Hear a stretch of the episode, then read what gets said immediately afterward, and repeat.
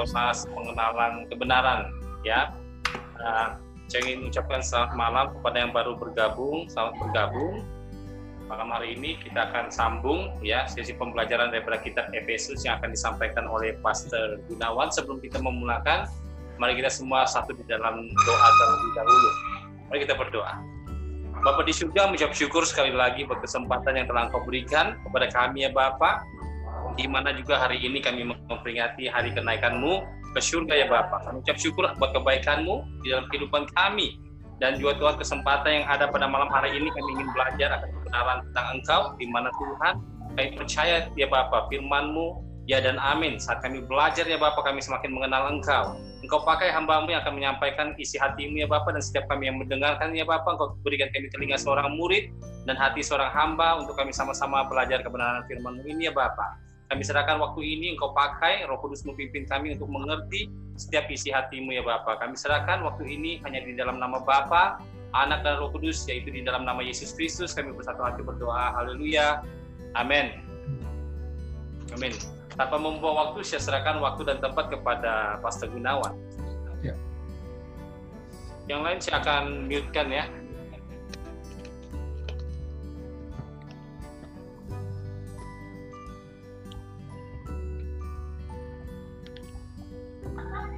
Ya.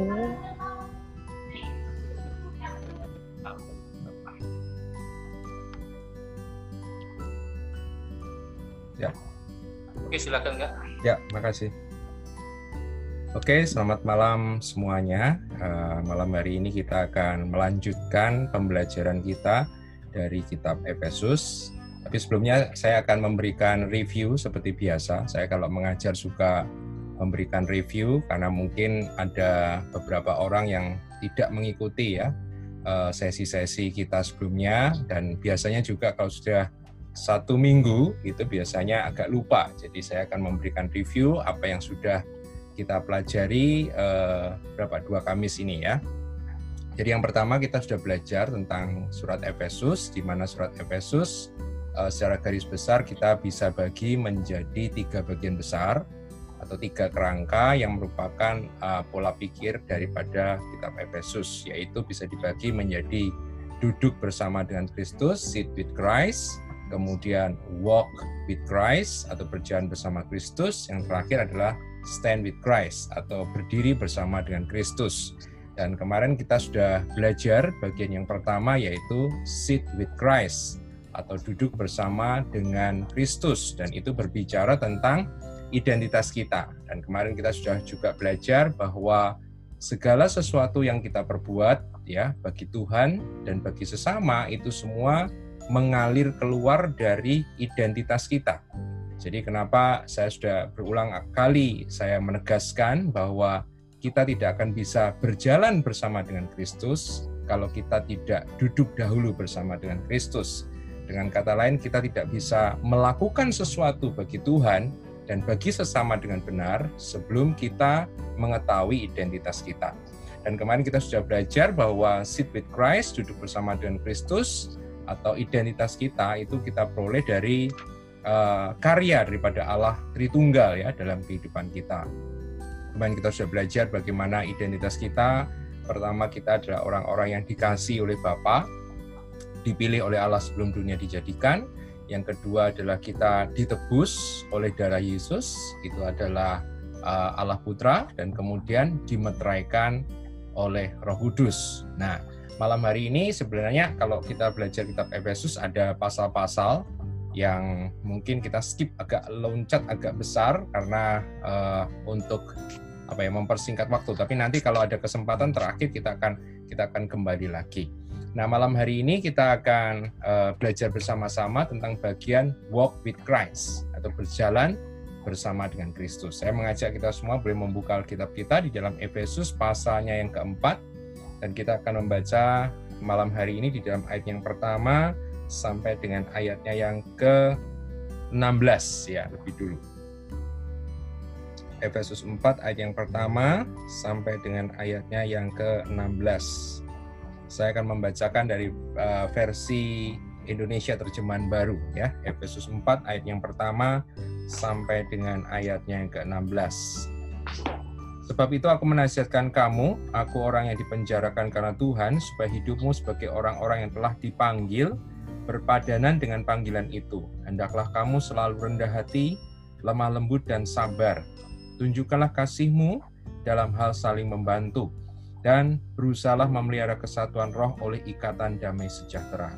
Satu tubuh dan satu roh, sebagaimana kamu telah dipanggil kepada satu pengharapan yang terkandung dalam panggilanmu. Satu Tuhan, satu iman, satu baptisan, satu Allah dan Bapa dari semua.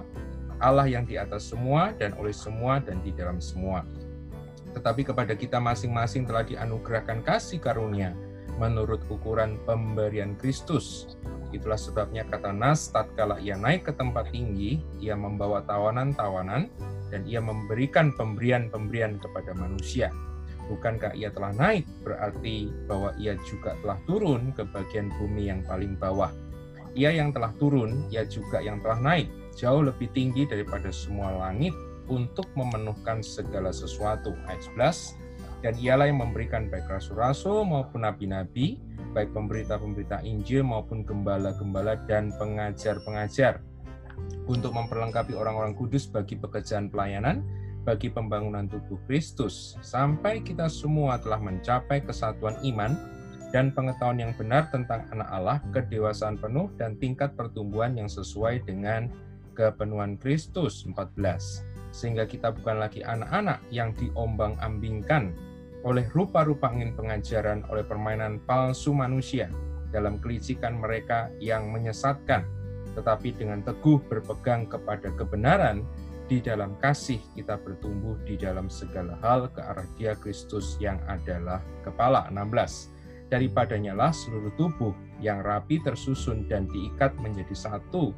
Oleh pelayanan semua bagiannya sesuai dengan kadar pekerjaan tiap-tiap anggota menerima pertumbuhannya dan membangun dirinya di dalam kasih. Nah, jadi kita uh, lihat dulu di dalam ayatnya. Kita mulai dari ayat yang pertama dulu. Kita lihat di situ dengan jelas sekali dalam uh, Efesus 4 ayat pertama dikatakan, sebab itu aku menasihatkan kamu, aku orang yang dipenjarakan karena Tuhan, supaya hidupmu sebagai orang-orang yang telah dipanggil berpadanan dengan panggilan itu. Nah, jelas sekali di ayat yang pertama ketika Paulus mengatakan aku orang yang dipenjarakan karena Tuhan, karena surat Efesus ini memang ditulis oleh Paulus dari dalam penjara Roma ya. Dan dia mengatakan uh, supaya hidupmu supaya hidupmu sebagai orang-orang yang telah dipanggil berpadanan dengan panggilan itu. Dalam terjemahan bahasa Inggris dikatakan supaya kamu berjalan sesuai dengan panggilan itu panggilan apa yang dimaksud oleh Paulus di sini? Panggilan yang dimaksud di sini adalah panggilan yang kita bahas kemis kemarin, yaitu dalam Efesus 1, yaitu panggilan menjadi anak-anak Bapa, panggilan menjadi orang-orang tebusan, ya, dan panggilan menjadi orang-orang yang dipenuhi oleh Roh. Dengan kata lain, Efesus 4 ayat yang pertama membuka sebuah prinsip yang seperti saya sudah katakan tadi, bahwa kehidupan seorang Kristen itu mengalir keluar dari identitasnya. Eh, kehidupan orang Kristen mengalir dari pengenalannya tentang karya Allah di dalam kehidupannya. Nah, kalau kita membaca sebenarnya Efesus 4 ini kan sangat panjang ya. Kalau kita eh, baca tadi eh, hanya separuh saja karena sebenarnya itu terus sampai ayatnya yang ke-32.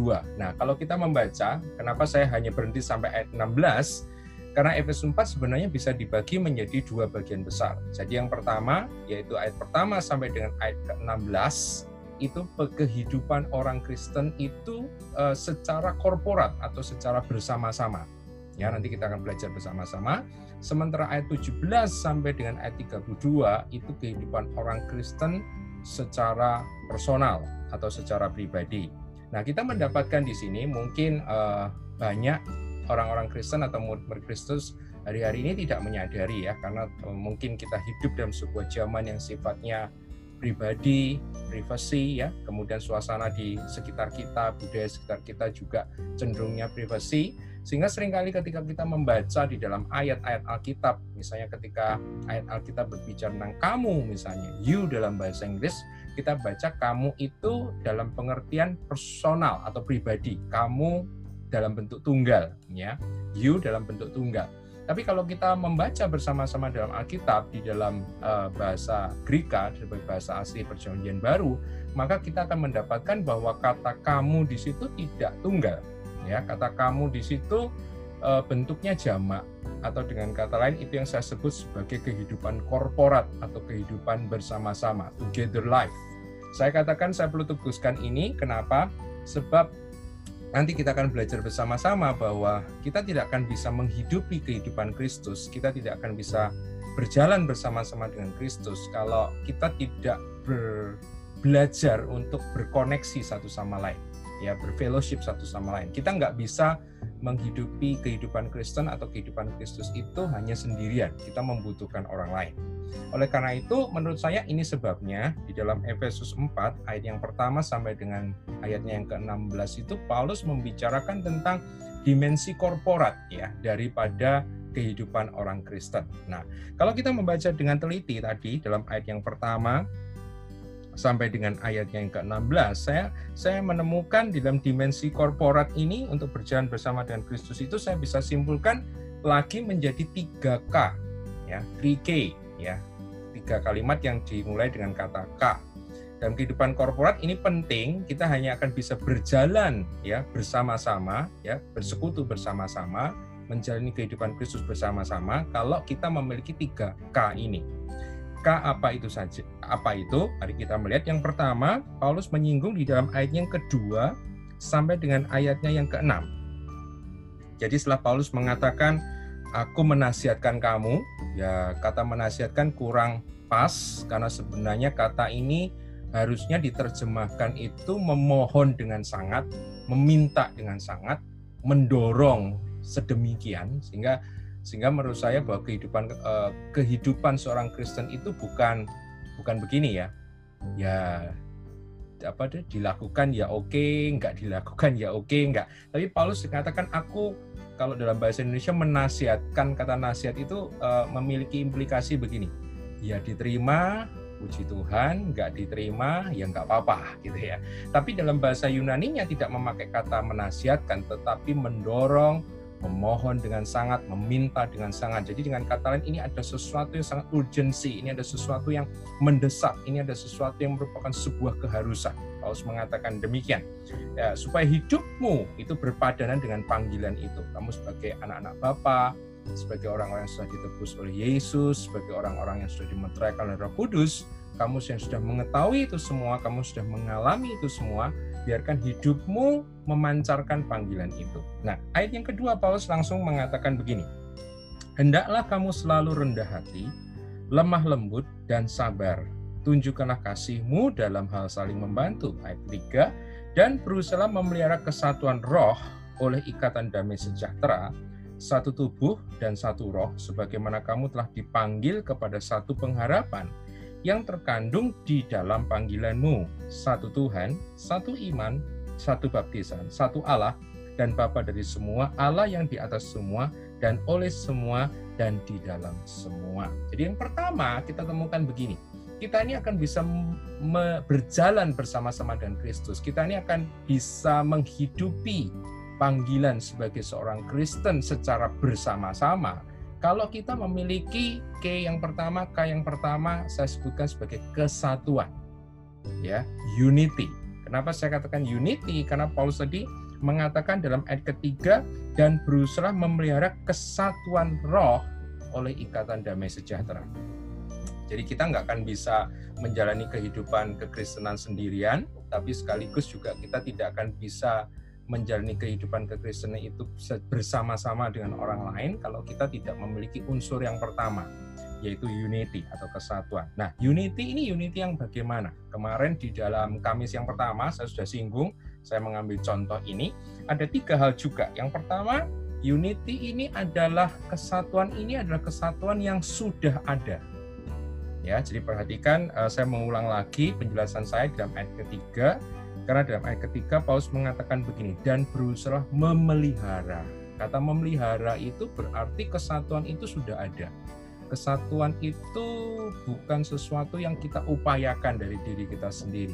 dikatakan peliharalah kesatuan, peliharalah kesatuan. Jadi kalau dikatakan peliharalah kesatuan, berarti kesatuan itu sudah ada, hanya tinggal kita pelihara. Ya, nah makanya itu saya katakan bahwa kesatuan yang ada di luar itu muncul juga dari pemahaman bahwa kita ini sudah satu.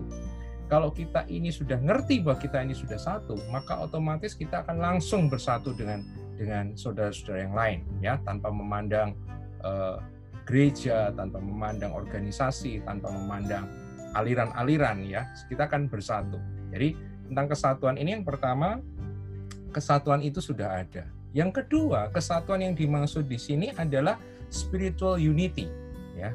Spiritual unity itu maksudnya adalah kesatuan rohani Ya, kesatuan di sini bukan kesatuan organisasi, bukan kesatuan seragam begitu maksudnya, tapi kesatuan rohani yang sifatnya spiritual. Kenapa? Karena Paulus mengatakan begini, ada tujuh unsur kesatuan rohani, yaitu di dalam ayat ketiga tadi, berusahalah memelihara kesatuan roh oleh ikatan damai sejahtera, dikatakan satu tubuh, yang pertama. Satu tubuh. Apa yang maksud satu tubuh di sini? Yang dimaksud adalah tubuh di sini adalah tubuh Kristus ya the body of Christ. Kemudian satu roh yang dimaksud di sini adalah Roh Kudus. Sebagaimana telah dipanggil kepada satu pengharapan, one hope. Satu pengharapan kita, pengharapan kita adalah pengharapan di dalam Yesus Kristus yang terkandung dalam panggilanmu. Satu Tuhan, ya, yaitu Tuhan Yesus Kristus. Satu iman, iman di dalam nama Yesus. Satu baptisan yang dimaksud di sini bukan masalah metode baptisan, tapi baptisan di dalam nama Yesus itu yang dimaksud dan yang terakhir adalah satu Allah dan Bapa dari semua jadi tanpa memandang aliran-aliran yang ada eh, perbedaan teologi perbedaan pola pikir ya kalau kita beranjak dari Efesus 4 sederhana saja saya selalu katakan siapa Tuhanmu Tuhan Yesus Tuhan saya juga Tuhan Yesus roh apa yang kamu terima Roh Kudus ya Roh Yesus Kristus saya juga punya Roh Yesus kamu dibaptis dalam namanya siapa?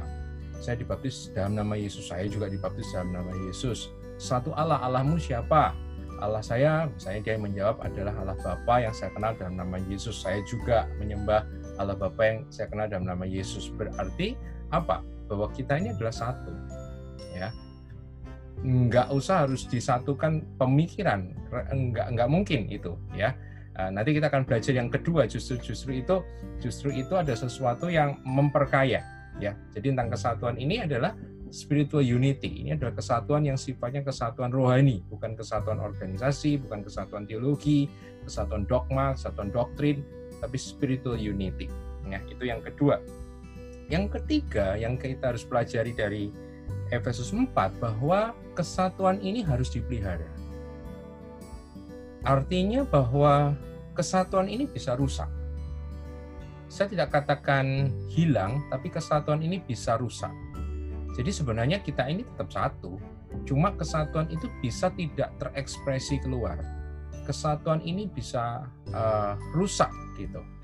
Nah, karena apa? Karena sikap-sikap yang kita miliki. Nah, Paulus katakan, peliharalah kesatuan itu, peliharalah unity di antara kalian. Dengan cara apa? dia mengatakan setidaknya ada empat sifat atau empat karakter yang harus kita punyai supaya kita ini bisa memelihara spiritual unity itu. Itu apa? Tadi di dalam ayatnya yang kedua dikatakan pertama adalah rendah hati, ya. Kemudian yang kedua adalah lemah lembut, ya. Yang ketiga adalah sabar, ya. Dan yang keempat yang nanti kita baca di Efesus 5 yaitu kasih di dalam bentuk yang praktis ya jadi ada empat uh, sifat atau empat hal yang kita perlukan supaya bisa maintenance spiritual unity itu yaitu uh, keren, kerendahan hati kelemah lembutan kesabaran dan kasih di dalam bentuknya yang praktis ya. Kerendahan hati itu maksudnya apa? Kerendahan hati banyak dibahas oleh Paulus di dalam surat Filipi ya. Kerendahan hati itu maksudnya bukan rendah diri. Rendah hati itu bukan berarti uh, memandang diri kita rendah bukan seperti itu. Tapi kerendahan hati itu buat saya artinya adalah memandang orang lain dan memandang diri kita seperti Tuhan memandang orang lain dan seperti Tuhan memandang kita. Kalau dalam Filipi pasal yang kedua kita dapatkan definisi kerendahan hati adalah mengutamakan orang lain daripada diri kita. Ya, itu itu rendah hati ya, kerendahan hati. Dalam bahasa Latinnya itu humus. Humus itu artinya tanah ya. Artinya adalah ya kerendahan hati berarti mengutamakan orang lain. Kenapa sih kesatuan di antara kita sering kali rusak, kesatuan rohani ini sering kali rusak, yaitu ya karena kita tidak belajar mengutamakan orang lain e, dibanding diri kita. Ya, sifat manusia sudah jatuh itu biasanya selalu me, apa itu mengutamakan ego kita. Kita yang pertama, orang lain itu yang kedua, gitu ya. Apalagi kalau misalnya itu satu barangnya cuma ada satu orangnya 10 begitu ya kita rebutan ya kita kita mengutamakan sering kali kita mengutamakan diri kita diri kita gereja kita pelayanan kita pokoknya semuanya kita bicara saya saya saya saya saya nah kalau masing-masing itu mengutamakan egonya sendiri-sendiri ya spiritual unity ini rusak nah, tapi kalau kita belajar mengutamakan orang lain memandang orang lain itu lebih dahulu Nah, itu kesatuan ini akan bisa terpelihara. Yang kedua adalah lemah lembut, meekness. Lemah lembut dalam bahasa Yunani adalah prautes. Prautes itu apa? Lemah lembut itu kalau dalam bahasa Indonesia sering kali uh, kita ada joke lemah lembut itu bukan lemah gemulai gitu ya. Lemah lembut itu bukan uh, ya apa ya satu apa satu kondisi yang nggak ada power enggak Kata lemah lembut dalam bahasa Yunani artinya digunakan uh, ini orang Yunani kalau menggambarkan lemah lembut itu seperti ini. Kalau misalnya ada seseorang yang mau melatih kuda liar, ya. Jadi kalau kuda itu liar sebelum bisa dipergunakan kan harus dijinakkan lebih dulu ya. Nah, kuda liar itu kalau ditunggangi oleh orang, oh dia itu akan melompat-lompat begitu. Dia akan melompat-lompat. Dia nggak mau punggungnya itu ada ada orang ya di atasnya. Nah, tugas penjinak kuda adalah bagaimana dia harus tetap ada di punggung kuda itu sampai kuda itu dalam tanda kutip dia menyerah. Nah, ketika kuda itu menyerah dan kuda itu dalam kondisi yang tenang, kondisi itu yang disebut sebagai prautes dalam bahasa Yunani, yaitu lemah lembut. Lemah lembut artinya adalah ini, kekuatan yang terkendali ya. Jadi orang yang lemah lembut itu sebenarnya adalah orang yang paling kuat sedunia. Kenapa? Karena orang yang lemah lembut itu bisa mengendalikan dirinya sendiri.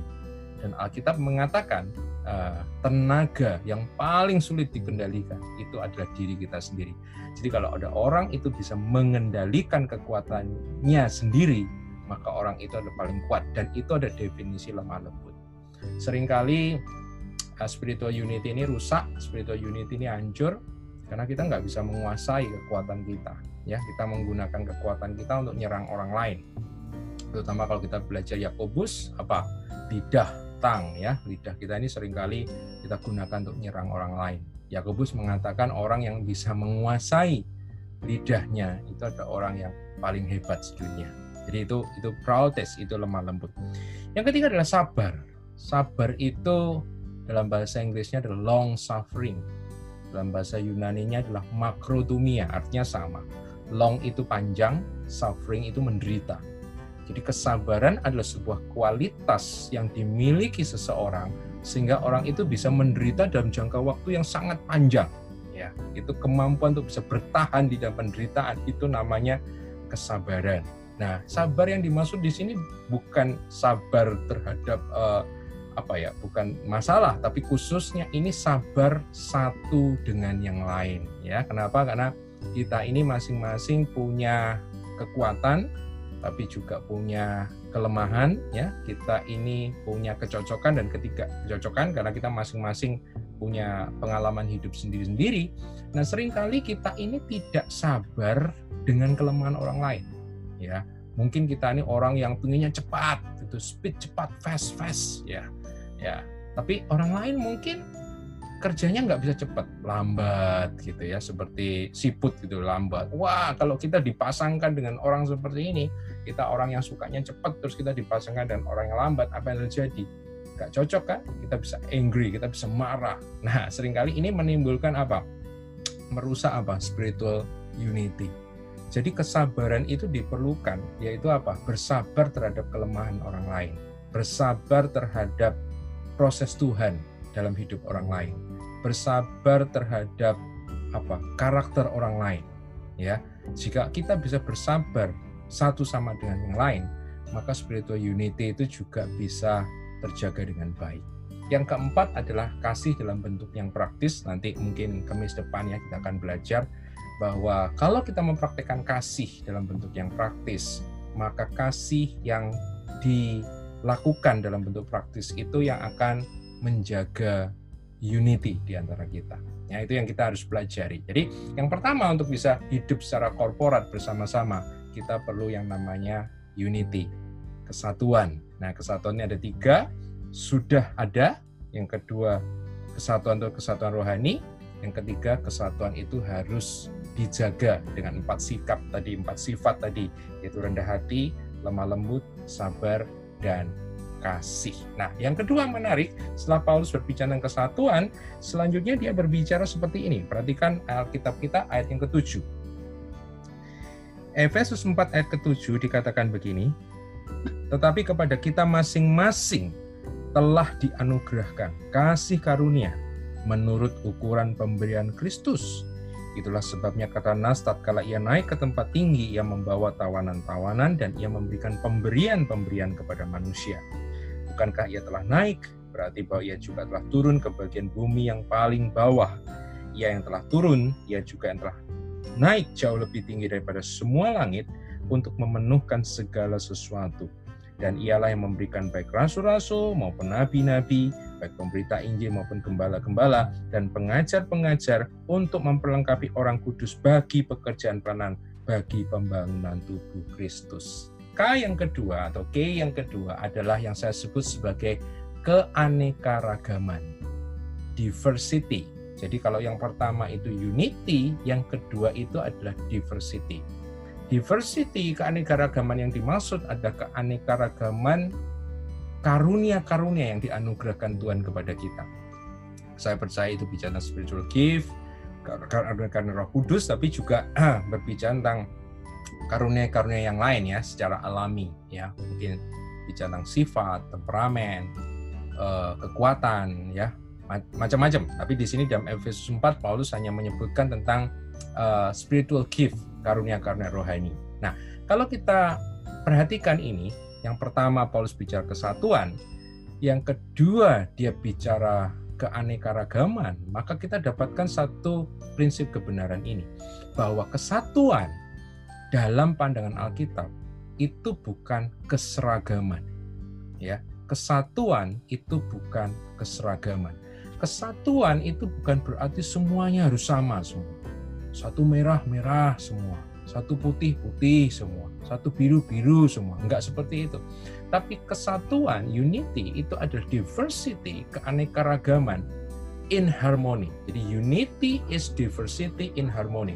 Jadi ada banyak, ada banyak warna, ada banyak uh, spiritual gift, tapi semuanya berjalan dengan dengan apa itu? Harmoni, dengan selaras, ya, uh, uh, seimbang, ya, uh, uh, bersama-sama, uh, harmoni. Uh, yang menarik uh, kita membaca dalam Matius uh, 18, Yesus pernah mengatakan di mana dua tiga orang berkumpul di dalam namaku, ya. Berkumpul di dalam namaku dan bersatu di dalam namaku, maka aku akan hadir di tengah-tengah mereka. Ingat bahwa di situ Yesus menggunakan satu kata ya bersatu di situ ada menggunakan simfonio Simfonio itu dari kata simfonio itu keluar kata simfoni, simfoni ya kalau dalam bahasa Indonesia. Kalau kita melihat simfoni, simfoni itu musik ya. Musik itu kalau kita lihat simfoni musik, simfoni itu bukan cuma satu alat yang digunakan ya, bukan hanya gitar, bukan hanya keyboard, bukan hanya drum, bukan hanya apalagi trompet ya, tapi uh, simfoni itu banyak alat musik ada yang main keyboard, ada yang gitar, ada yang drum, ada yang trompet, dan suaranya yang dihasilkan macam-macam kan. Suara gitar nggak sama dengan suara keyboard, suara drum nggak sama dengan suara trompet.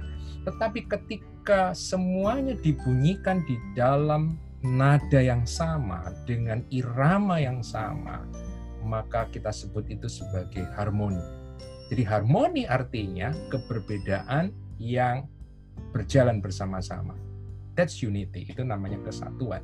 Jadi justru menurut saya kesatuan ini bisa terbentuk kalau kita bisa melihat keberbedaan yang Tuhan berikan kepada kita. Mungkin buat beberapa orang mikirnya aneh ya, berbeda kok justru bisa membuat bersatu itu gimana? Tapi justru itu. Jadi kalau kalau saya menyadari begini, kalau saya sadar bahwa saya ini berbeda dengan saudara, saya ini justru akan bisa bersatu dengan saudara. Kenapa? Karena dengan keberbedaan ini, maka saya akan memahami, saya nggak akan bisa mengerjakan semuanya sendiri. Saya membutuhkan Anda.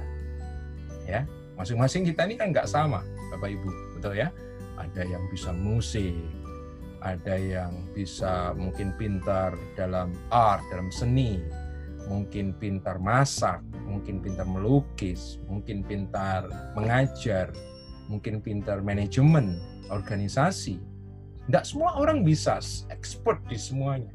Nah, justru kalau kita bisa melihat keberbedaan ini, oh, saya nggak bisa misalnya, oh, saya nggak bisa main musik, tapi Pastor Perry misalnya bisa. Oh, justru ketika saya bisa melihat dan menghargai keberbedaan ini, maka saya bisa bersatu dengan Pastor Perry. Karena saya, saya, saya ada uh, sebuah kesadaran, saya butuh dia, dan dia juga butuh saya saya nggak bisa mengerjakan apa yang dia kerjakan, dia nggak bisa mengerjakan apa yang saya kerjakan karena Tuhan memberi karunia itu berbeda-beda.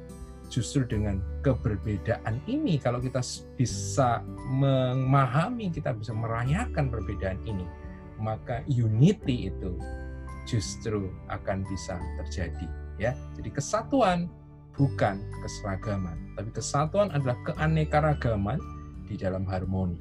Ya, dengan mengenali Eh, karunia-karunia yang ada dengan mengenali keunikan eh, karunia-karunia Allah di dalam setiap diri kita, maka kita akan semakin menyadari bahwa kita membutuhkan saudara-saudara seiman yang lain. Dan di sini spiritual unity itu akan bisa terjadi. Yaitu yang kedua, K yang kedua atau K yang kedua.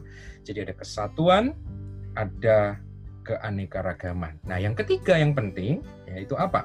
Tadi di dalam ayatnya yang ke 12 saya akan baca ayat ke-12 dikatakan untuk memperlengkapi orang-orang kudus bagi pekerjaan pelayanan bagi pembangunan tubuh Kristus sampai kita semua telah mencapai kesatuan iman dan pengetahuan yang benar tentang anak Allah kedewasaan penuh dan tingkat pertumbuhan yang sesuai dengan kepenuhan Kristus sehingga kita bukan lagi anak-anak yang diombang-ambingkan oleh rupa-rupa angin pengajaran oleh permainan palsu manusia dalam kelicikan mereka yang menyesatkan, tetapi dengan teguh berpegang kepada kebenaran di dalam kasih kita bertumbuh di dalam segala hal ke arah dia Kristus yang adalah kepala. Oke, yang ketiga saya sebut sebagai kedewasaan.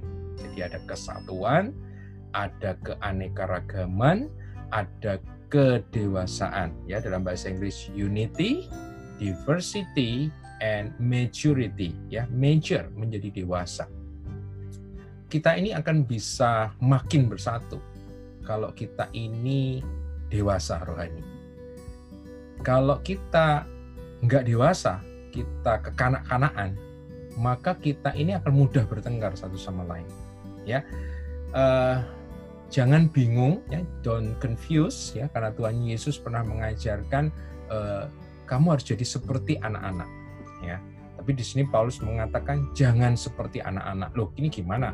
Kayaknya kok Alkitab kok bertentangan. Yang satu Tuhan ajarkan jadi harus seperti anak-anak, seperti children. Di sini Paulus katakan jangan seperti anak-anak, jangan seperti children. Yang dimaksudkan di sini adalah saja pemahaman Tuhan Yesus tentang anak-anak dan Paulus tentang anak-anak itu berbeda. Yang Yesus maksudkan dengan sifat anak-anak itu ada sifat-sifat misalnya dependence, bergantung kepada Allah, ya, Eh, kebergantungan ya terutama kepada kepada kepada Bapa. Tapi yang dimaksudkan oleh Paulus ini adalah dalam bahasa Inggris mungkin yang saya sebut sebagai childish ya, sifat kekanak-kanakan. Jadi saudara itu harus seperti anak-anak tapi tidak boleh kekanak-kanakan. Nah, kita tuh harus growing, kita tuh harus bertumbuh ya, menjadi dewasa. Makin kita dewasa, makin mudah kita bersatu dengan orang lain makin kita nggak dewasa, makin suka kita bersatu dengan orang lain. Nah, kedewasaan ini apa? Yang pertama saya akan bicara standarnya. Majority itu ada standard. Ya, standarnya apa? Standarnya sederhana sekali. Karena di dalam ayat yang ke-13 tadi dikatakan, sampai kita semua telah mencapai kesatuan iman dan pengetahuan yang benar tentang anak Allah, kedewasaan penuh dan tingkat pertumbuhan yang sesuai dengan kepenuhan Kristus. Jadi definisi dewasa secara rohani dalam Alkitab itu adalah apa? Serupa seperti Yesus, serupa seperti Kristus di dalam sifat, di dalam perbuatan, di dalam pikiran, di dalam perasaan, di dalam perkataan, di dalam perbuatan. Christ likeness, serupa dengan Kristus. Nah, saya harus menandaskan ini karena banyak juga saya mendapati ada banyak jemaat yang bilangnya begini, oh kita nggak mungkin bisa seperti eh, Kristus uh, Pastor, ya. Kristus Yesus itu kan anak Allah, loh ya betul ya. Secara dia sebagai Son of God itu memang unik, tapi di dalam sifat seperti eh, dalam uh, kemanusiaannya dia, dia sama dengan kita. Nah, oleh karena itu, kenapa ada banyak ayat yang mengatakan bahwa kita ini harus serupa dengan Kristus, jadi harus serupa dengan Yesus. Nah, kalau Alkitab katakan kita harus serupa dengan Kristus, serupa dengan Yesus, ya berarti kita bisa. Ya, jadi standarnya kedewasaan itu apa? Kedewasaan itu ya serupa dengan Kristus, gitu. Sehingga apa ya? Uh, buat saya cek recheck secara secara spiritualnya ya tiap hari, ya, tiap bulan, tiap tahun kita harus uh, apa itu check up ya secara spiritual. Sudahkah hidup saya semakin serupa dengan dia, serupa dengan Kristus, pemikiran, perasaan, eh, keputusan, tindakan, apakah saya semakin serupa dengan Kristus? Itu definisi daripada kedewasaan. Jadi bukan kedewasaan itu bukan hanya diukur misalnya, wah dia makin bertambah pengetahuan Alkitabnya. Ya belum tentu. Orang yang uh, pengetahuan Alkitabnya banyak itu belum tentu dewasa ya, karena ada banyak orang yang pengetahuan Alkitabnya maha dahsyat, tapi begitu uh, berbicara hubungan satu sama lain, wah kelabakan ya. Berarti ini bukan dewasa. Atau wah hebat dia bisa bernubuat sekarang ya. Dia bisa apa lagi bisa menyembuhkan orang misalnya ya. Makin sakti dia ya. Ya saya katakan juga e, punya karunia-karunia rohani yang banyak itu juga nggak bicara dewasa gitu. Korintus itu kalau kita belajar nanti tentang Korintus Korintus itu nggak kekurangan karunia rohani satu pun luar biasa dahsyat. Tapi apa? Dikatakan eh, Paulus menyebut mereka sebagai apa? Bayi-bayi rohani ya dalam satu Korintus pasalnya yang kedua. Uh, the carnal Christian, Kristen daging ya. Baby in Christ ya, bayi-bayi dalam Kristus. Jadi kedewasaan nggak diukur dari itu. Kedewasaan itu adalah serupa dengan Kristus. Praktisnya gimana Pastor? Ingat 1 Korintus 13 Paulus kemudian menyebutkan satu pasal yang terkenal yaitu pasal tentang kasih, tentang agape.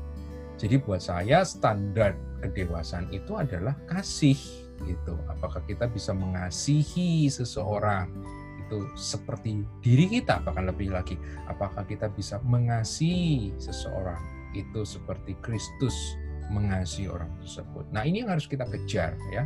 Bukan hanya sekedar pengetahuan, bukan hanya sekedar uh, karunia karena rohani itu juga dipen, perlu. Kita juga butuh malam hari ini misalnya kenapa ada kelas seperti ini? Uh, karena ya kita butuh pengetahuan. Tapi pengetahuan rohani karunia rohani semuanya itu harus membuat kita bertumbuh dewasa ya bertumbuh seperti Kristus. Kalau pembelajaran kita karunia-karunia rohani kita itu tidak membuat kita makin serupa dengan Kristus ya saya katakan tidak ada guna ya. Karena yang kita kejar adalah apa? Adalah kesatuan dengan Kristus itu sendiri. Nah sekarang caranya dewasa gimana? Ya kita katakan caranya dewasa gimana? Dikatakan tadi standarnya Kristus sarananya gimana? Tadi dalam ayatnya yang eh, ke 14 ya 15 Eh, terutama dengan ayatnya 15 dikatakan tapi dengan teguh berpegang kepada kebenaran di dalam kasih kita bertumbuh di dalam segala hal ke arah dia Kristus yang adalah kepala daripadanya lah seluruh tubuh yang rapi tersusun dan diikat menjadi satu oleh pelayanan semua bagiannya sesuai dengan kadar pekerjaan tiap-tiap anggota menerima pertumbuhannya dan membangun dirinya di dalam kasih. Nah, berarti kan saya sebutkan di situ ada dua yang Paulus sebut. Oke. Oke, saya lanjutkan ya. Oke, yang ketiga tadi tentang jadi tentang kedewasaan ya, tentang bicara tentang kedewasaan rohani. Eh, Standarnya adalah Kristus dan bagaimana cara kita bisa bertumbuh secara rohani. Saya sebutkan ada dua, yaitu lewat relasi. Ya, relasi itu kenapa penting? Karena yang pertama Tuhan itu memberikan His wisdom, memberikan pewahyuan kebenaran, pembukaan kebenaran itu nggak hanya pada satu orang, tapi kepada banyak orang. Nah, kalau banyak orang, kalau saya tidak terkoneksi, saya tidak memiliki relasi dengan orang lain, maka saya tidak akan memiliki uh, pewahyuan atau kebenaran yang di Tuhan berikan kepada orang lain.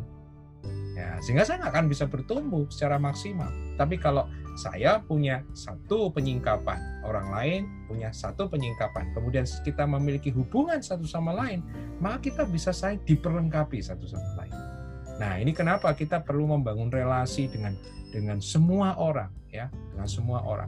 Nah, bukan hanya itu saja, tapi apa? Yang kedua, kita ini bisa bertumbuh kalau kita ini juga memiliki relasi dengan orang lain. Tadi saya sebutkan dalam 1 Korintus 13 1 Korintus 13 tadi apa? E, bicara standar kedewasaan itu adalah kasih. Nah, kalau surat Galatia itu agak beda ya. Dia memiliki Paulus mengungkapkannya dengan agak beda. Dia menyebutkannya sebagai buah roh, sembilan buah roh. Sembilan buah roh itu apa? Kalau kita teliti bersama-sama, sembilan buah roh itu ah, tidak lain dan tidak bukan adalah karakter Kristus. Yang saya katakan tadi, kalau kita ini serupa dengan Kristus, ya berarti kita harus menghasilkan buah roh itu di dalam kehidupan kita. Betul kan? Nah, sekarang mari kita amati lebih dekat lagi tentang buah roh. Bagaimana buah roh ini bisa ada dalam kehidupan kita? Kasih, eh, kesabaran, kemurahan hati, ya, kemudian apa sukacita, damai sejahtera. Kalau kita pelajari sembilannya itu, saya katakan apa? Bahwa eh, buah-buah roh itu nggak mungkin bisa kita miliki itu sendiri, ya dan justru yang kedua, buah-buah roh ini akan muncul kalau kita ini ditempatkan Tuhan ada di dalam uh, situasi yang bertentangan dengan atau berkebalikan atau opposite dengan buah roh itu sendiri. Misal saya ambil yang pertama dikatakan sama kan 1 Korintus 13 tadi bicara kasih. Buah roh yang pertama yang disebutkan oleh Paulus itu juga kasih. Nah, saya perlu tambahkan sedikit di sini. Yang dimaksud sebagai buah roh itu tunggal ya sering kali kita salah menyebutkannya ya kita menyebutnya sebagai buah-buah roh nah kenapa kita sebut buah-buah roh karena ada sembilan pastor sembilan kan banyak jamak ya plural sehingga kemudian kita terjebak menggunakan kata, kata apa? Fruits buah-buah roh. Nah silakan diteliti sendiri yang bisa bahasa Yunani silakan uh, periksa dalam bahasa Yunani yang bisa bahasa Inggris silakan periksa bahasa Inggris. Yang bisa bahasa Indonesia silahkan periksa bahasa Indonesia atau bahasa Melayu.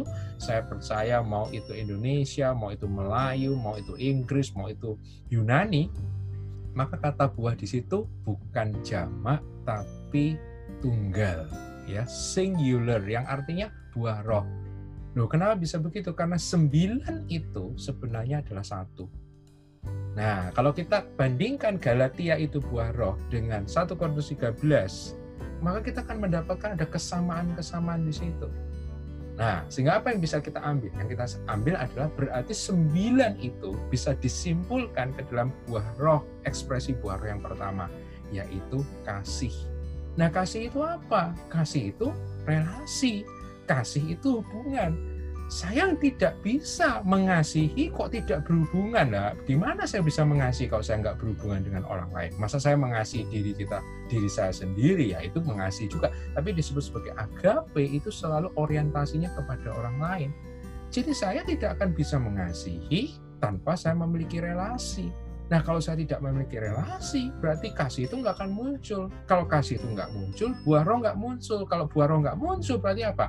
Kedewasaan dan pertumbuhan itu tidak akan terjadi. Nah, yang kedua justru lewat apa biasanya lewat gesekan-gesekan ya relasi. Banyak orang hari ini nggak suka berelasi sih nggak suka berkomunikasi nggak suka berhubungan. Kenapa? Karena setiap relasi itu punya potensi apa? Menyakiti hati kita ya. Setiap relasi itu punya potensi resiko di dalamnya ya kan?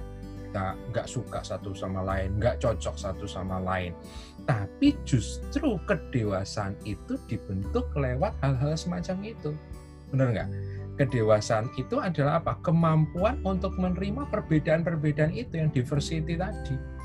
Ya, dengan kata lain ya, kalau kita ini mau bertumbuh menjadi makin dewasa, berarti kita harus makin menjadi orang yang mengasihi. Nah, kita ini harus akan mampu menjadi orang yang mengasihi kalau kita itu berelasi. Nah, kita ini semakin berelasi, kita harus belajar untuk menerima apa? Kelemahan-kelemahan orang lain atau perbedaan-perbedaan orang lain dengan diri kita. Itulah majority. Sehingga kalau kita simpulkan bersama-sama pada malam hari ini, berarti Efesus 4, walk with Christ, berjalan bersama-sama dengan Kristus itu nggak bisa kita jalani sendirian, harus korporat. Nah, supaya kita bisa korporat, apa yang kita perlukan? Satu, itu unity.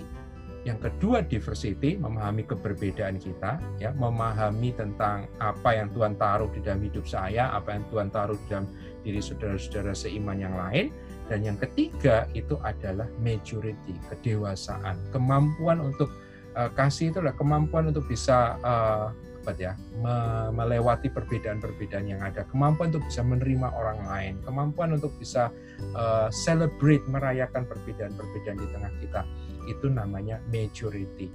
Jadi kalau tiga ini ada, ya unity, diversity dan majority ini ada, maka kita bisa walk with Christ, kita bisa berjalan bersama-sama dengan Kristus. Itu itu bagian yang pertama. Nah, saya akan lanjutkan sedikit kita masuk yang sekarang yang bagian yang kedua, tapi bukan hanya corporate, tapi juga ada dimensi personal di dalam walk with Christ itu. Nah, itu yang Paulus uh, bahas di dalam ayat yang ke-17 sampai dengan ayatnya yang ke-32. Saya akan coba bahas dengan agak ringkas saja malam hari ini, mungkin next uh, Kamis mendatang mungkin kita akan lebih berdalam di situ. Nah, bicara tentang uh, berjalan bersama-sama Kristus, walk with Christ, bagian personal ini, Eh, kita ayat 17 sampai dengan ayat ke-32 juga bisa dibagi menjadi dua. Ya, menjadi dua itu apa? Yang pertama adalah kehidupan, Paulus menunjukkan kehidupan apa? Non-believers, kehidupan orang-orang yang tidak percaya. Dan yang kedua adalah kehidupan orang-orang yang percaya. Jadi apa? Ayat 17 saya akan baca lebih dulu. Sebab itu kukatakan, dan kutegaskan ini kepadamu di dalam Tuhan. Jangan hidup lagi, jangan walk ya, jangan berjalan lagi. Sama seperti orang-orang tidak mengenal Allah dengan pikiran yang sia-sia dan pengertiannya yang gelap, jauh dari hidup persekutuan dengan Allah karena kebodohan yang ada di dalam mereka dan karena kedegilan hati mereka. Perasaan mereka telah tumpul sehingga mereka menyerahkan diri kepada hawa nafsu dan mengerjakan dengan serakah segala macam kecemaran tetapi kamu bukan demikian. Kamu telah belajar mengenal Kristus. Perhatikan, sekali lagi Paulus mengatakan, ku katakan dan ku tegaskan ini. Ini sama dengan kata tadi, Efesus 4 ayat 1, beseech ya, dalam bahasa Inggrisnya. Aku menasihatkan, tapi yang dimaksud bukan menasihatkan, tapi apa? Memohon dengan sangat, mendorong ya. Aku Nah, ini ayatnya yang ke-17 bagus banget dalam bahasa Indonesia. Ku tegaskan, ku katakan dan ku tegaskan. Artinya apa? Berarti di sini. Berarti ini kan bicara perubahan ya, walk with Christ. Jadi berjalan bersama Kristus, menjadi seorang Kristen itu bicara perubahan. Saya sering kali mengatakan gini, kalau nggak mau berubah jangan jadi orang Kristen. Sebab kalau kita jadi orang Kristen, kita harus berubah ya jadi orang Kristen nggak mau berubah. Itu uh, sesuatu yang oksimoron. Oksimoron itu dua hal dua kata yang bertentangan ya. Nggak mungkin. Kalau kita ini jadi orang Kristen kalau kita ini uh, mengetahui identitas kita kemudian berjalan bersama-sama dengan Tuhan kita pasti harus berubah. Makanya Paulus katakan dikatakan begini kukatakan dan kutegaskan jangan hidup lagi sama seperti orang-orang yang tidak mengenal Allah ya jadi apa? Yang pertama kita pelajari dengan kata jangan hidup lagi yang pertama perbedaan itu harus. Ya perbedaan itu harus harus terlihat harus terjadi dalam kehidupan kita. Mau itu dramatis maksudnya eh, kelihatan banget atau pelan-pelan ya saya katakan pasti harus berubah ada banyak orang yang nggak mau berubah terus mengatasnamakan wah ini proses proses proses tapi proses tapi kok nggak berubah-berubah gitu ya saya sering saya sering mengatakan mengatakan gini proses itu progres ya. Artinya sedikit apa pun perubahan itu pasti kelihatan. Ya, itu yang pertama, perbedaan itu harus terjadi. Yang kedua, ketika Paulus mengatakan jangan hidup lagi sama, berarti apa? Ada kemungkinan orang-orang Kristen ini enggak enggak berubah, ya. Makanya Paulus katakan jangan hidup lagi sama. Berarti ada kemungkinan apa? Orang-orang ini, ada orang-orang Kristen yang hidupnya ya sama dengan sebelum dia percaya Kristus, ya hidupnya sama. Jadi yang ketiga berarti apa? Kalau perbedaan itu harus, perubahan kehidupan itu harus, yang kedua, bisa saja tidak terjadi. Maka kesimpulannya apa? Yang ketiga, perubahan di dalam kehidupan kita sebagai murid Kristus itu ada sesuatu yang harus diupayakan, yang harus apa? diusahakan secara sadar. Ya, maksudnya begini yang saya maksud diusahakan secara sadar itu bukan dengan kekuatan kita sendiri enggak, tapi maksudnya harus sadar gitu. Maksudnya bukan ini bukan sesuatu yang ya pokoknya diam-diam aja bertumbuh, diam-diam aja berubah, nggak seperti itu. Perubahan itu ada sesuatu, ada ada ada upaya dari diri kita, ada bagian dari diri kita yang harus kita lakukan. Nah, banyak orang Kristen nggak bertumbuh. Kenapa? Dia nggak sadar harus berubah. Yang kedua, dia nggak punya planning, dia nggak punya mindset, dia nggak punya apa itu tindakan-tindakan yang membuat dirinya berubah. Nah, Paulus katakan jangan hidup lagi sama dengan orang-orang yang tidak mengenal Allah. Ya, apa itu? Saya sebetulnya di situ ada banyak ya. Misalnya dikatakan ada, ada pikiran yang sia-sia, pengertian yang gelap, ya, jauh dari hidup persekutuan dengan Allah, kebodohan, kedegilan. Ya, ini ciri-ciri uh, orang-orang yang tidak mengenal Allah, perasaan yang tumpul, menjauhi hawa nafsu, ya, mengerjakan segala macam keserakahan. Ini kalau mau mau dibedah ini dalam sekali, tapi saya bisa pastikan ada tiga bagian ya, ada pikiran, ada perasaan, kemudian ada perbuatan. Nah, yang menarik Paulus menyusunnya itu pikiran, perasaan, perbuatan. Nah, pikiran tadi apa? Dikatakan sia-sia, gelap, ya. Nah, pemahamannya gelap. Pengertian yang gelapnya maksudnya pemahaman tentang Allah, tentang jalan-jalan Allah itu tidak paham ya sehingga akibatnya perasaannya tumpul. Ya sifat perasaan tumpul ini apa? Saya uh, pelajari perasaan tumpul ini maksudnya secara mungkin dalam bahasa sehari-hari tidak tahu malu tidak me, apa tuh tidak memiliki pengharapan mati rasa. Jadi ketika berdosa pun ya tidak merasa itu berdosa itu perasaan. Sehingga kemudian apa? Perbuatan-perbuatannya yang menyimpang dari perintah-perintah Allah. Dan semua dimulai dari apa? Pikiran understanding, uh, pemahaman kita. Makanya kenapa orang Kristen itu perlu pemahaman yang sehat, pemahaman yang benar. Kenapa pemahaman yang kebenaran itu penting? Sebab kalau pemahaman kebenarannya salah, pikirannya salah, ya perasaannya nanti bisa juga salah, perbuatannya juga salah. Ya, orang-orang yang tidak mengenal Allah dikatakan understandingnya drop. Dia tidak memiliki pemahaman tentang Allah, perasaannya tumpul. Ya, nah, kemudian apa? Mengerjakan segala macam perbuatan-perbuatan yang melanggar firman Allah itu dengan dengan tamak ya dengan dengan dikatakan dengan serakah itu orang-orang tidak mengenal Allah. Nah, Paulus mengatakan apa? Tadi di dalam ayatnya yang ke-20, tetapi kamu bukan lagi demikian ya. Dikatakan kamu telah belajar mengenal Kristus ayat 21 karena kamu telah mendengar tentang dia dan menerima pengajaran di dalam dia menurut kebenaran yang nyata di dalam Yesus. Berarti kan ada pengajaran di dalam Yesus. Bicara tentang mindset, bicara tentang pemahaman ya. Kembali lagi, ki kunci perubahan itu adalah perubahan pikiran. Kalau pemikiran Anda berubah, maka perasaan Anda berubah. Kalau pikiran dan perasaan berubah, maka kemampuan untuk membuat keputusan-keputusan itu juga pasti berubah dan akibatnya perbuatan atau kehidupan itu juga pasti berubah. Nah, menarik ya, yang ini dikatakan begini, yaitu bahwa kamu berhubung dengan kehidupan kamu yang dahulu harus menanggalkan manusia lama yang menemui kebinasaannya oleh nafsunya yang menyesatkan. Perhatikan ini yang menarik dalam ayat 23 Paulus mengatakan supaya kamu dibaharui di dalam roh dan pikiranmu dan mengenakan manusia baru yang telah diciptakan menurut kehendak Allah di dalam kebenaran dan kekudusan yang sesungguhnya. Ayat 23 dikatakan supaya kamu dibarui di dalam roh dan pikiranmu. Terjemahan lain, KJV terjemahan the spirit of your mind, roh dari pikiranmu. Sekali lagi, kunci perubahan kehidupan adalah perubahan pikiran, perubahan mindset, perubahan perspektif, perubahan worldview, perubahan paradigma. Kalau cara berpikirmu berubah, hidupmu juga berubah.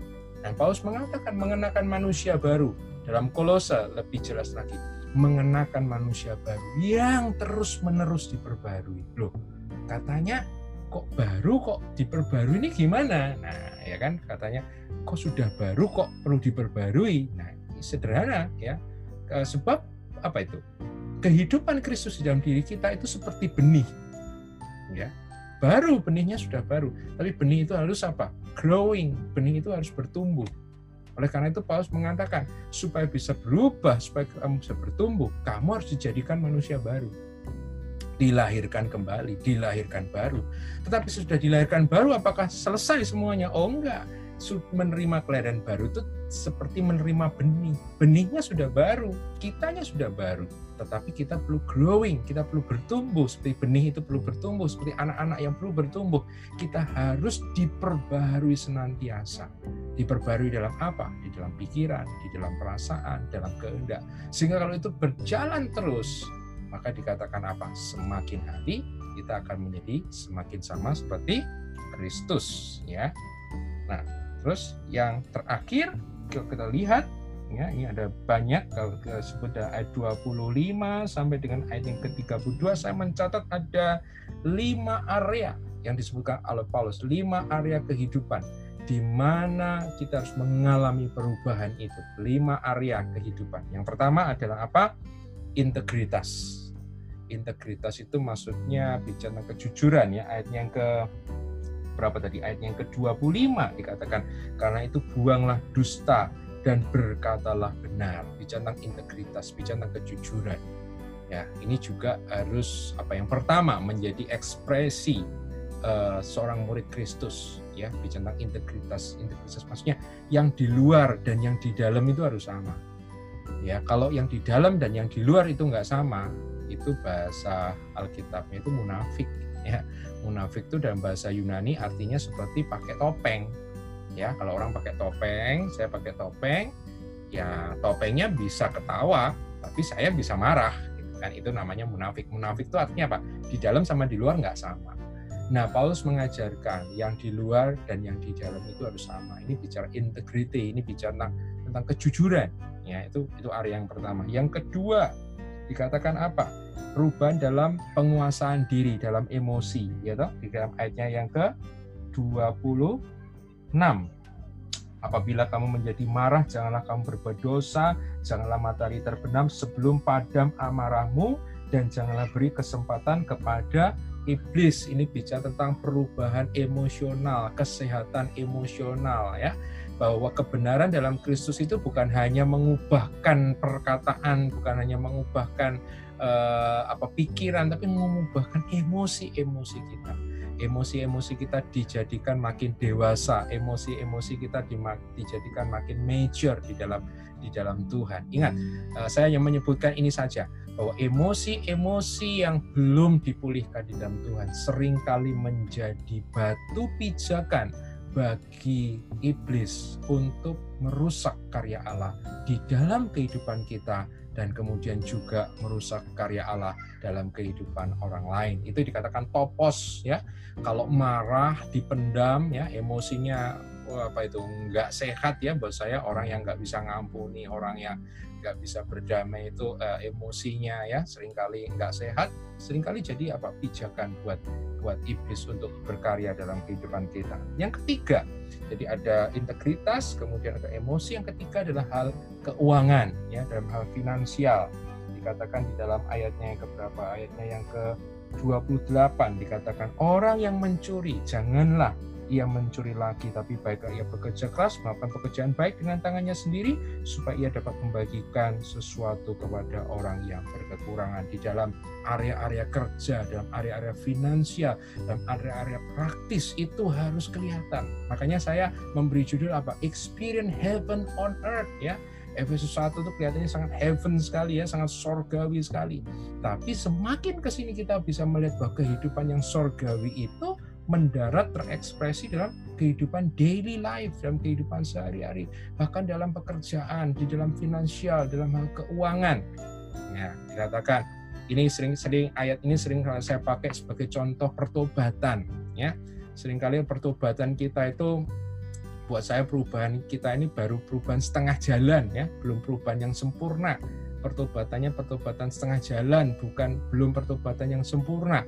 Kenapa? Kalau saya sering pakai ayat ini yaitu bicara tentang orang yang mencuri dikatakan orang yang mencuri jangan mencuri lagi. Wah, sering kali kita ngajarin apa ya? Pertobatan itu artinya berhenti melakukan kesalahan. Tapi buat saya itu bukan definisi yang Paulus berikan. Kalau definisinya pertobatan itu berhenti melakukan dosa, maka Paulus ini cukup mengatakan ini, orang yang mencuri jangan mencuri lagi, titik. Tapi enggak kan? Paulus bilang apa? Orang yang mencuri jangan mencuri lagi, koma. Ya, jadi pertobatan itu bukan hanya berhenti melakukan dosa, tetapi apa? Perlu juga apa? Melakukan kebenaran. Makanya dikatakan apa? Orang yang mencuri jangan mencuri lagi, tapi ia bekerja keras. Wah, ini satu step ya. Satu step buat saya yang lebih maju lagi. Bukan hanya bekerja keras, tapi dikatakan Paulus mengatakan terakhir sampai ia bisa membagi kepada orang lain. Perhatikan ini. Mencuri itu mengambil dari orang lain. Ya, memberi itu membagikan kepada orang lain. Nah, ini baru namanya pertobatan. Ini baru baru namanya opposite ya ini baru namanya perubahan kehidupan yang dikatakan oleh Paulus ya itu yang ketiga yang keempat hubungan-hubungan antar sesama relasi-relasi saya sering kali mengatakan nih kedewasaan orang Kristen itu terlihat dari caranya membangun hubungan dengan orang lain ya perhatikan tadi dikatakan dalam ayatnya ke-29 jangan ada perkataan kotor keluar dari mulutmu tapi pakailah perkataan yang baik untuk membangun di mana perlu supaya mereka mendengarnya beroleh kasih karunia. Janganlah kamu mendukakan roh kudus Allah yang telah memeteraikan kamu menjelang hari penyelamatan. Ayat 31 segala kepahitan, kegeraman, kemarahan, pertekan, fitnah hendaklah dibuang dari antara kamu. Demikian pula segala kejahatan tapi hendaklah kamu ramah seorang terhadap yang lain. Penuh kasih mesra dan saling mengampuni sebagaimana Allah di dalam Kristus telah mengampuni kamu. Hubungan-hubungan antar sesama. Di sini ada satu dosa yang sering kali disebutkan Pak. Dosa mendukakan Roh Kudus. Ya, Bentar lagi kita mau Pentakosta yang memperingati tentang Roh Kudus. Mendukakan apa sih do? Dosa mendukakan Roh Kudus itu apa sih? Di Roh Kudus itu punya emosi. Ya Roh Kudus itu bisa mengalami duka cita, uh, grief, ya, uh, sedih, ya. Nah, gimana cara kita mendukakan Roh Kudus? Perhatikan, Paulus mengatakan apa? Jangan kamu mendukakan Roh Kudus Allah Kemudian ayat 31, Paulus menyebutkan segala dosa-dosa ini. Jadi buat saya, berarti ayat 31, dosa-dosa inilah dosa-dosa yang mendukakan roh kudus. Dosa apa? Perhatikan, mari kita baca 31. Kepahitan, kegeraman, kemarahan, pertikaian, fitnah. Ini dosa apa nih lima ini? Kepahitan, kegeraman, kemarahan, pertikaian, fitnah. Ini dosa-dosa relasi, ini dosa-dosa yang berkaitan dengan orang lain. Dosa-dosa yang berhubungan karena relasi. Jadi cara kita mendukakan Roh Kudus itu apa? Kalau kita nggak bisa unity, harmoni dengan saudara-saudara seiman dalam Kristus, ya kita sedang mendukakan Roh Kudus. Ya, kalau kita saling apa itu menjatuhkan, menfitnah, kita saling apa hantam satu sama lain, itu mendukakan Roh Kudus. Ya, nah area satu lagi yang perlu disisakan ada apa lagi? Perkataan. Tadi dikatakan, sorry, ayat yang ke-29, jangan ada perkataan kotor keluar dari mulutmu, tapi pakailah perkataan yang baik untuk membangun di mana perlu supaya mereka mendengarnya boleh kasih karunia. Jadi saya ulangi lagi Pak Yakobus mengatakan orang yang bisa menguasai lidahnya adalah orang yang paling sempurna yang bisa mengendalikan dirinya. Ya, jadi kehidupan dalam Kristus pun harus berdampak dalam hal apa? Dalam hal perkataan-perkataan kita. Ini yang saya katakan heaven on earth. Jadi sesuatu yang dimulai sangat surgawi dalam episode 1 dibawa mendarat oleh Paulus ya dalam kehidupan kita sehari-hari. Nanti hari Kamis depan kita akan belajar uh, dalam segmen-segmen yang lain tentang bagaimana perubahan ini boleh terjadi dalam kehidupan kita. Untuk malam hari ini saya percaya sampai uh, di sini dulu supaya tidak terlalu banyak overload nanti tambah bingung ya sampai di sini dulu. Saya serahkan ke, ke Pastor Perry. Ya, terima kasih Kak Gunawan, eh, Pastor Gunawan karena sudah memberkati kita pada malam hari ini. Ya, sangat memberkati bagaimana untuk uh, kita apa walk ya, berjalan. Ada tiga hal tadi yang sudah disampaikan ya. Tiga K. Apakah tiga K itu? Ya, kita perlu ada kesatuan. Yang pertama perlu ada kesatuan, ya. Nah, yang kedua kita perlu ada apa?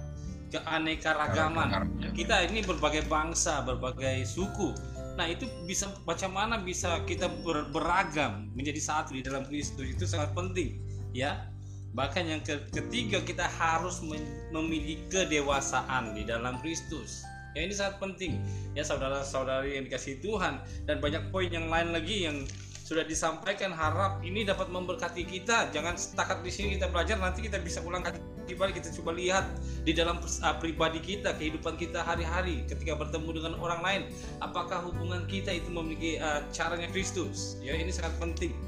Ya uh, masa ini saya beri kesempatan. Mungkin ada antara teman-teman yang memiliki pertanyaan ya di dalam apa yang sudah dibahaskan pada malam hari ini apa yang sudah disampaikan. Mungkin ada yang uh, mungkin uh, masih belum sampai dan ingin dijelaskan atau inginkan jawaban. Mungkin tiba-tiba ada satu pertanyaan Anda diberi peluang untuk bertanya. Ya kalau ada yang ingin bertanya silakan saya lihat di sini ada chat. Oh sangat jelas. Ya mungkin ada teman-teman yang lain yang mungkin tiba-tiba ada pertanyaan yang ingin ditanyakan. Ada saya buka kesempatan untuk bertanya sebelum kita tutup. Kalau ada, Anda bisa tekan uh, tempat suara, uh, unmute, Anda bisa bertanya. Mungkin Pak Dominik, ada pertanyaan kali, sebab dia sudah unmute. Ada. Silakan. Ya, ada. Oke, oke. Saya mau tanya itu arti yang empat, empat, bab empat ayat yang ke-8 itu. Itulah sebabnya kata Nas, tatkala ia naik ke tempat tinggi, boleh dengar? Boleh, boleh. Dengar. Oke. Okay. Ia membawa tawanan-tawanan. Oke, okay. apa arti tawanan-tawanan itu sebenarnya? Itu saja. Halo? Udah, Boleh? Ya. Efesus 4 ya. ayat 1 enggak? Efesus 4 ayat 8. Hmm. Ya, arti tawanan-tawanan itu yang saya kurang paham. Oh.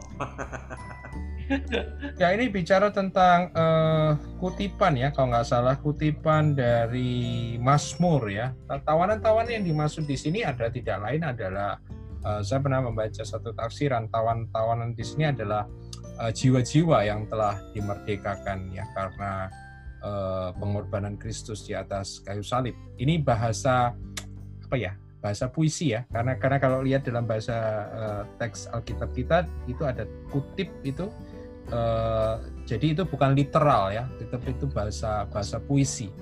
Dan itu kalau nggak salah terambil dari dari uh, kitab Mazmur. Jiwa, ya boleh saya katakan secara sederhananya itu jiwa-jiwa gitu. Jiwa-jiwa. jelas, Pastor Dominik. Ya jelas, terima kasih kasih ya kepada teman-teman yang lain yang mungkin ada pertanyaan atau cukup jelas pada malam hari ini. Sangat jelas ya sangat memberkati. Yang lain mungkin ada saya bagi kesempatan 5 menit untuk anda bertanya. Ya ya silakan. Ya saya mau tanya tadi yang lima area yang harus kita alami untuk terjadi perubahan kedewasaan. Tadi yang pertama kan integritas Yuk. kejujuran Yuk. yang kedua emosional Yuk. yang ketiga finansial Yuk. yang keempat hubungan dengan sesama Yuk. yang kelima apa pak perkataan perkataan ya komunikasi oke oke terima kasih pak Yuk. Oke. Ada yang lain lagi mau bertanya silakan. Bapak Ibu, saudara-saudari yang dikasih, mungkin ada pertanyaan yang kurang jelas tadi, Anda bisa bertanya. Ini kesempatan untuk Anda bertanya. supaya Anda diberkati.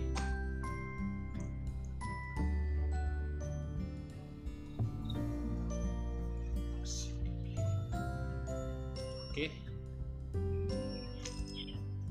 Pak Budiman. Apa itu? Dalam poin satu mengenai unity, apa yang dimaksud dengan Allah di atas semua dan oleh semua dan di dalam semua ayat 4? Silakan Kak. Saya harus buka kitab dulu.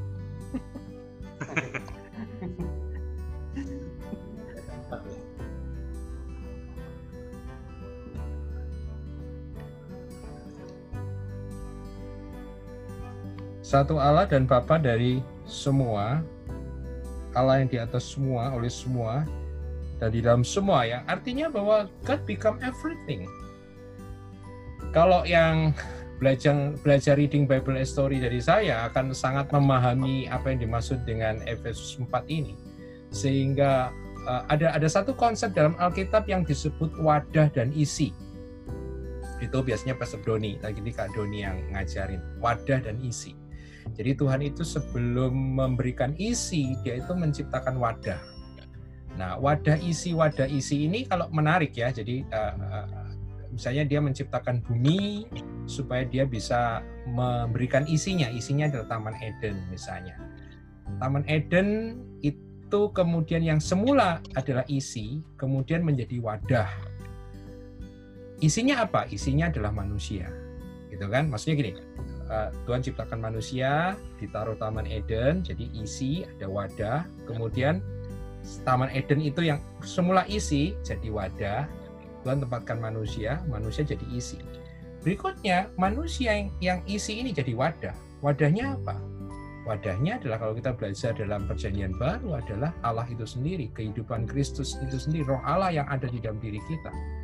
Sehingga yang menarik bahwa roh Allah itu yang semula adalah uh, adalah pribadi yang menciptakan, yang di atas segala sesuatu. Sekarang dia ada di dalam di dalam manusia itu sendiri. Sehingga God become every secara sederhana saya katakan ini bahasa Paul sulit memang ya.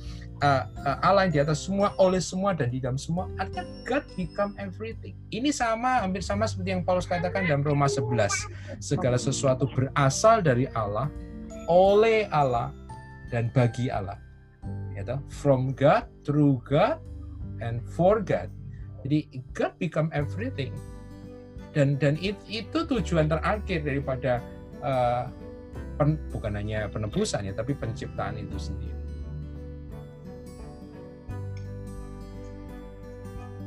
Gitu Pak Iwan.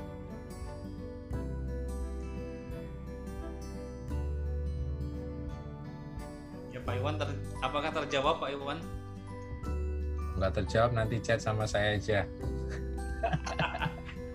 personal personal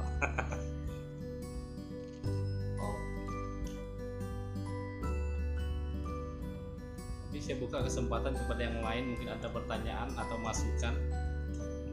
Uh, saya boleh bertanya lagi sebentar. Boleh. Ya, Pak, saya mau tanya uh, hmm. yang tentang tadi uh, salah satu di lima area yang kita harus alami perubahan. Yang keempat hubungan dengan sesama kan ada dosa mendukakan Roh Kudus, ya kan? Salah satunya kemarahan, kegeraman, pertikaian, kepahitan. Nah, kalau kita secara manusia mengalami suatu masalah, otomatis atau kita difitnah ya misalnya, otomatis refleks pertama kita pasti marah, geram. Hmm. Hmm. Nah, apakah itu langsung otomatis mendukakan Roh Kudus? Atau gimana? Terus solusinya apa? Kita tidak boleh sama sekali uh, marah karena ya pasti gak nggak bisa ya namanya kalau kita namanya ya manusia ya pasti saya bisa marah ya kan ya. nah itu maksudnya gimana yang sampai bisa menduka marah yang mendukakan Roh Kudus itu seperti apa pak ya oke okay. thank you buat pertanyaannya Lili uh, marah seperti apa apakah apakah marah itu dosa apakah marah itu dosa? Sekarang kita lihat sendiri, eh, kita kembali ke kehidupan Yesus karena tadi kan standarnya adalah Tuhan Yesus sendiri, Kristus sendiri ya. Kalau kita lihat kehidupan Tuhan Yesus, Tuhan Yesus pernah marah enggak? Pernah. Gitu. Nah, apakah Tuhan Yesus berdosa?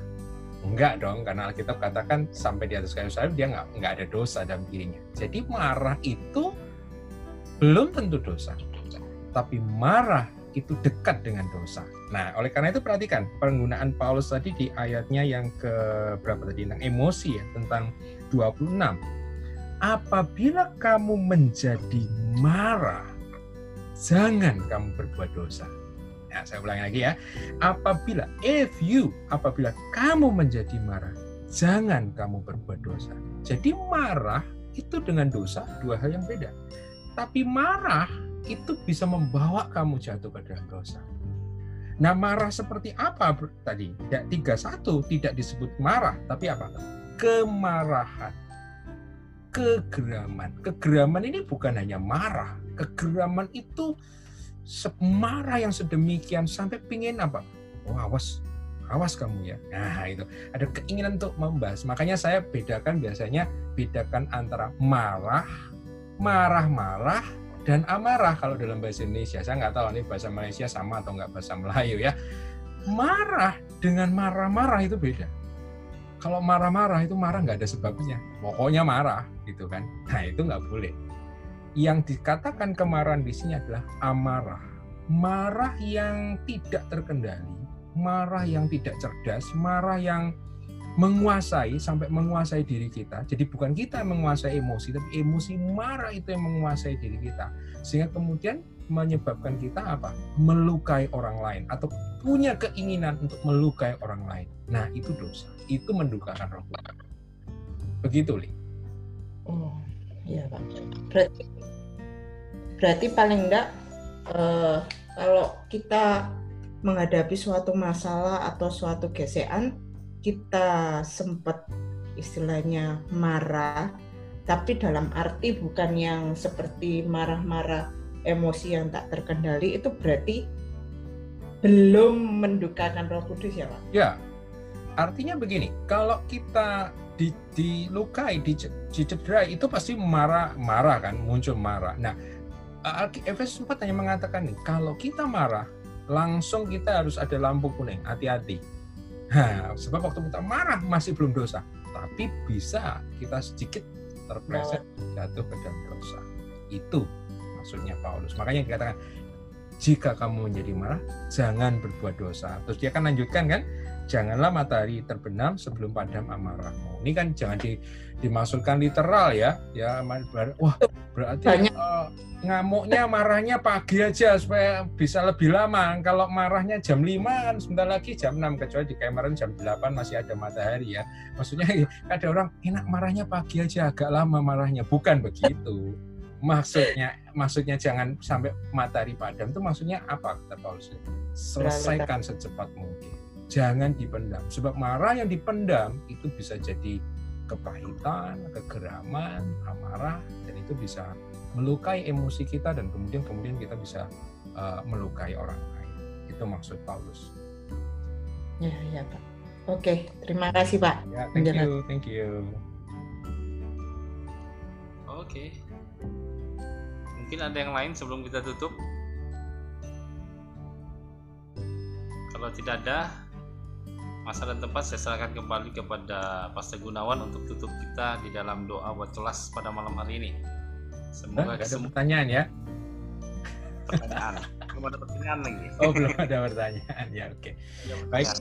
Kalau Gunawan. Ya kalau nggak ada, kalau nanti ada pertanyaan bisa disampaikan ke email seperti biasa ya ke Pastor Perry nanti bisa disampaikan ke saya nanti kita akan ulas di Kamis mendatang ya. ya. Baiklah kalau tidak ada pertanyaan dan saya berharap apa yang saya sampaikan tadi jelas walaupun tadi sempat di tengah-tengah ada gangguan eh, tapi semoga jelas dan bisa menjadi berkat bagi kita semua dan terlebih lagi bukan hanya kita paham semakin paham tapi kita bisa menghidupi ya kebenaran-kebenaran yang sudah kita pelajari pada malam hari ini. Ya, untuk closing penutup uh, kelas uh, pendalaman Alkitab atau pengenalan kebenaran, mari kita akan berdoa sekali lagi menyerahkan kepada Tuhan segala sesuatu yang sudah kita pelajari pada malam hari ini. Mari kita berdoa. Bapak, kami mengucap syukur malam hari ini untuk semua yang sudah kami pelajari dari firman-Mu, dari suratan daripada hamba-Mu Paulus, dan biarlah semua yang sudah kami pelajari prinsip-prinsip kebenaran pada malam hari ini lewat kebenaran firman-Mu, bukan hanya kami paham, bukan hanya kami uh, memahami secara jelas, tapi biarlah dengan kasih karunia daripada Tuhan kami boleh menghidupi daripada kebenaran ini sehingga kami boleh dikenali sebagai orang-orang yang berjalan bersama-sama dengan Tuhan. Terima kasih Tuhan karena Engkau sudah melakukan banyak hal karya anugerahmu dalam hidup kami dan biar karya anugerah itu boleh nyata, boleh nampak, boleh bermanifestasi khususnya dalam hubungan kami satu sama lain entah itu di dalam gereja, entah itu dalam pekerjaan, entah itu di dalam rumah tangga, bahkan dalam relasi-relasi yang lain. Tuhan memberkati siapa rekan-rekan yang sudah menjadi partisipan pada malam hari ini dalam kelas pendalaman Alkitab atau pengenalan kebenaran, baik yang berasal dari Indonesia ataupun dari Malaysia. Tuhan memberkati kami semua dan Tuhan kiranya melindungi kami semua sampai kami berjumpa Kamis mendatang di dalam forum sama. Terima kasih Bapak, kami mengucap syukur dan kami persembahkan kehidupan kami pada malam hari ini di dalam nama Tuhan Yesus Kristus kami berdoa. Haleluya. Amin. Thank you, brother. Thank you, Jack. Yeah.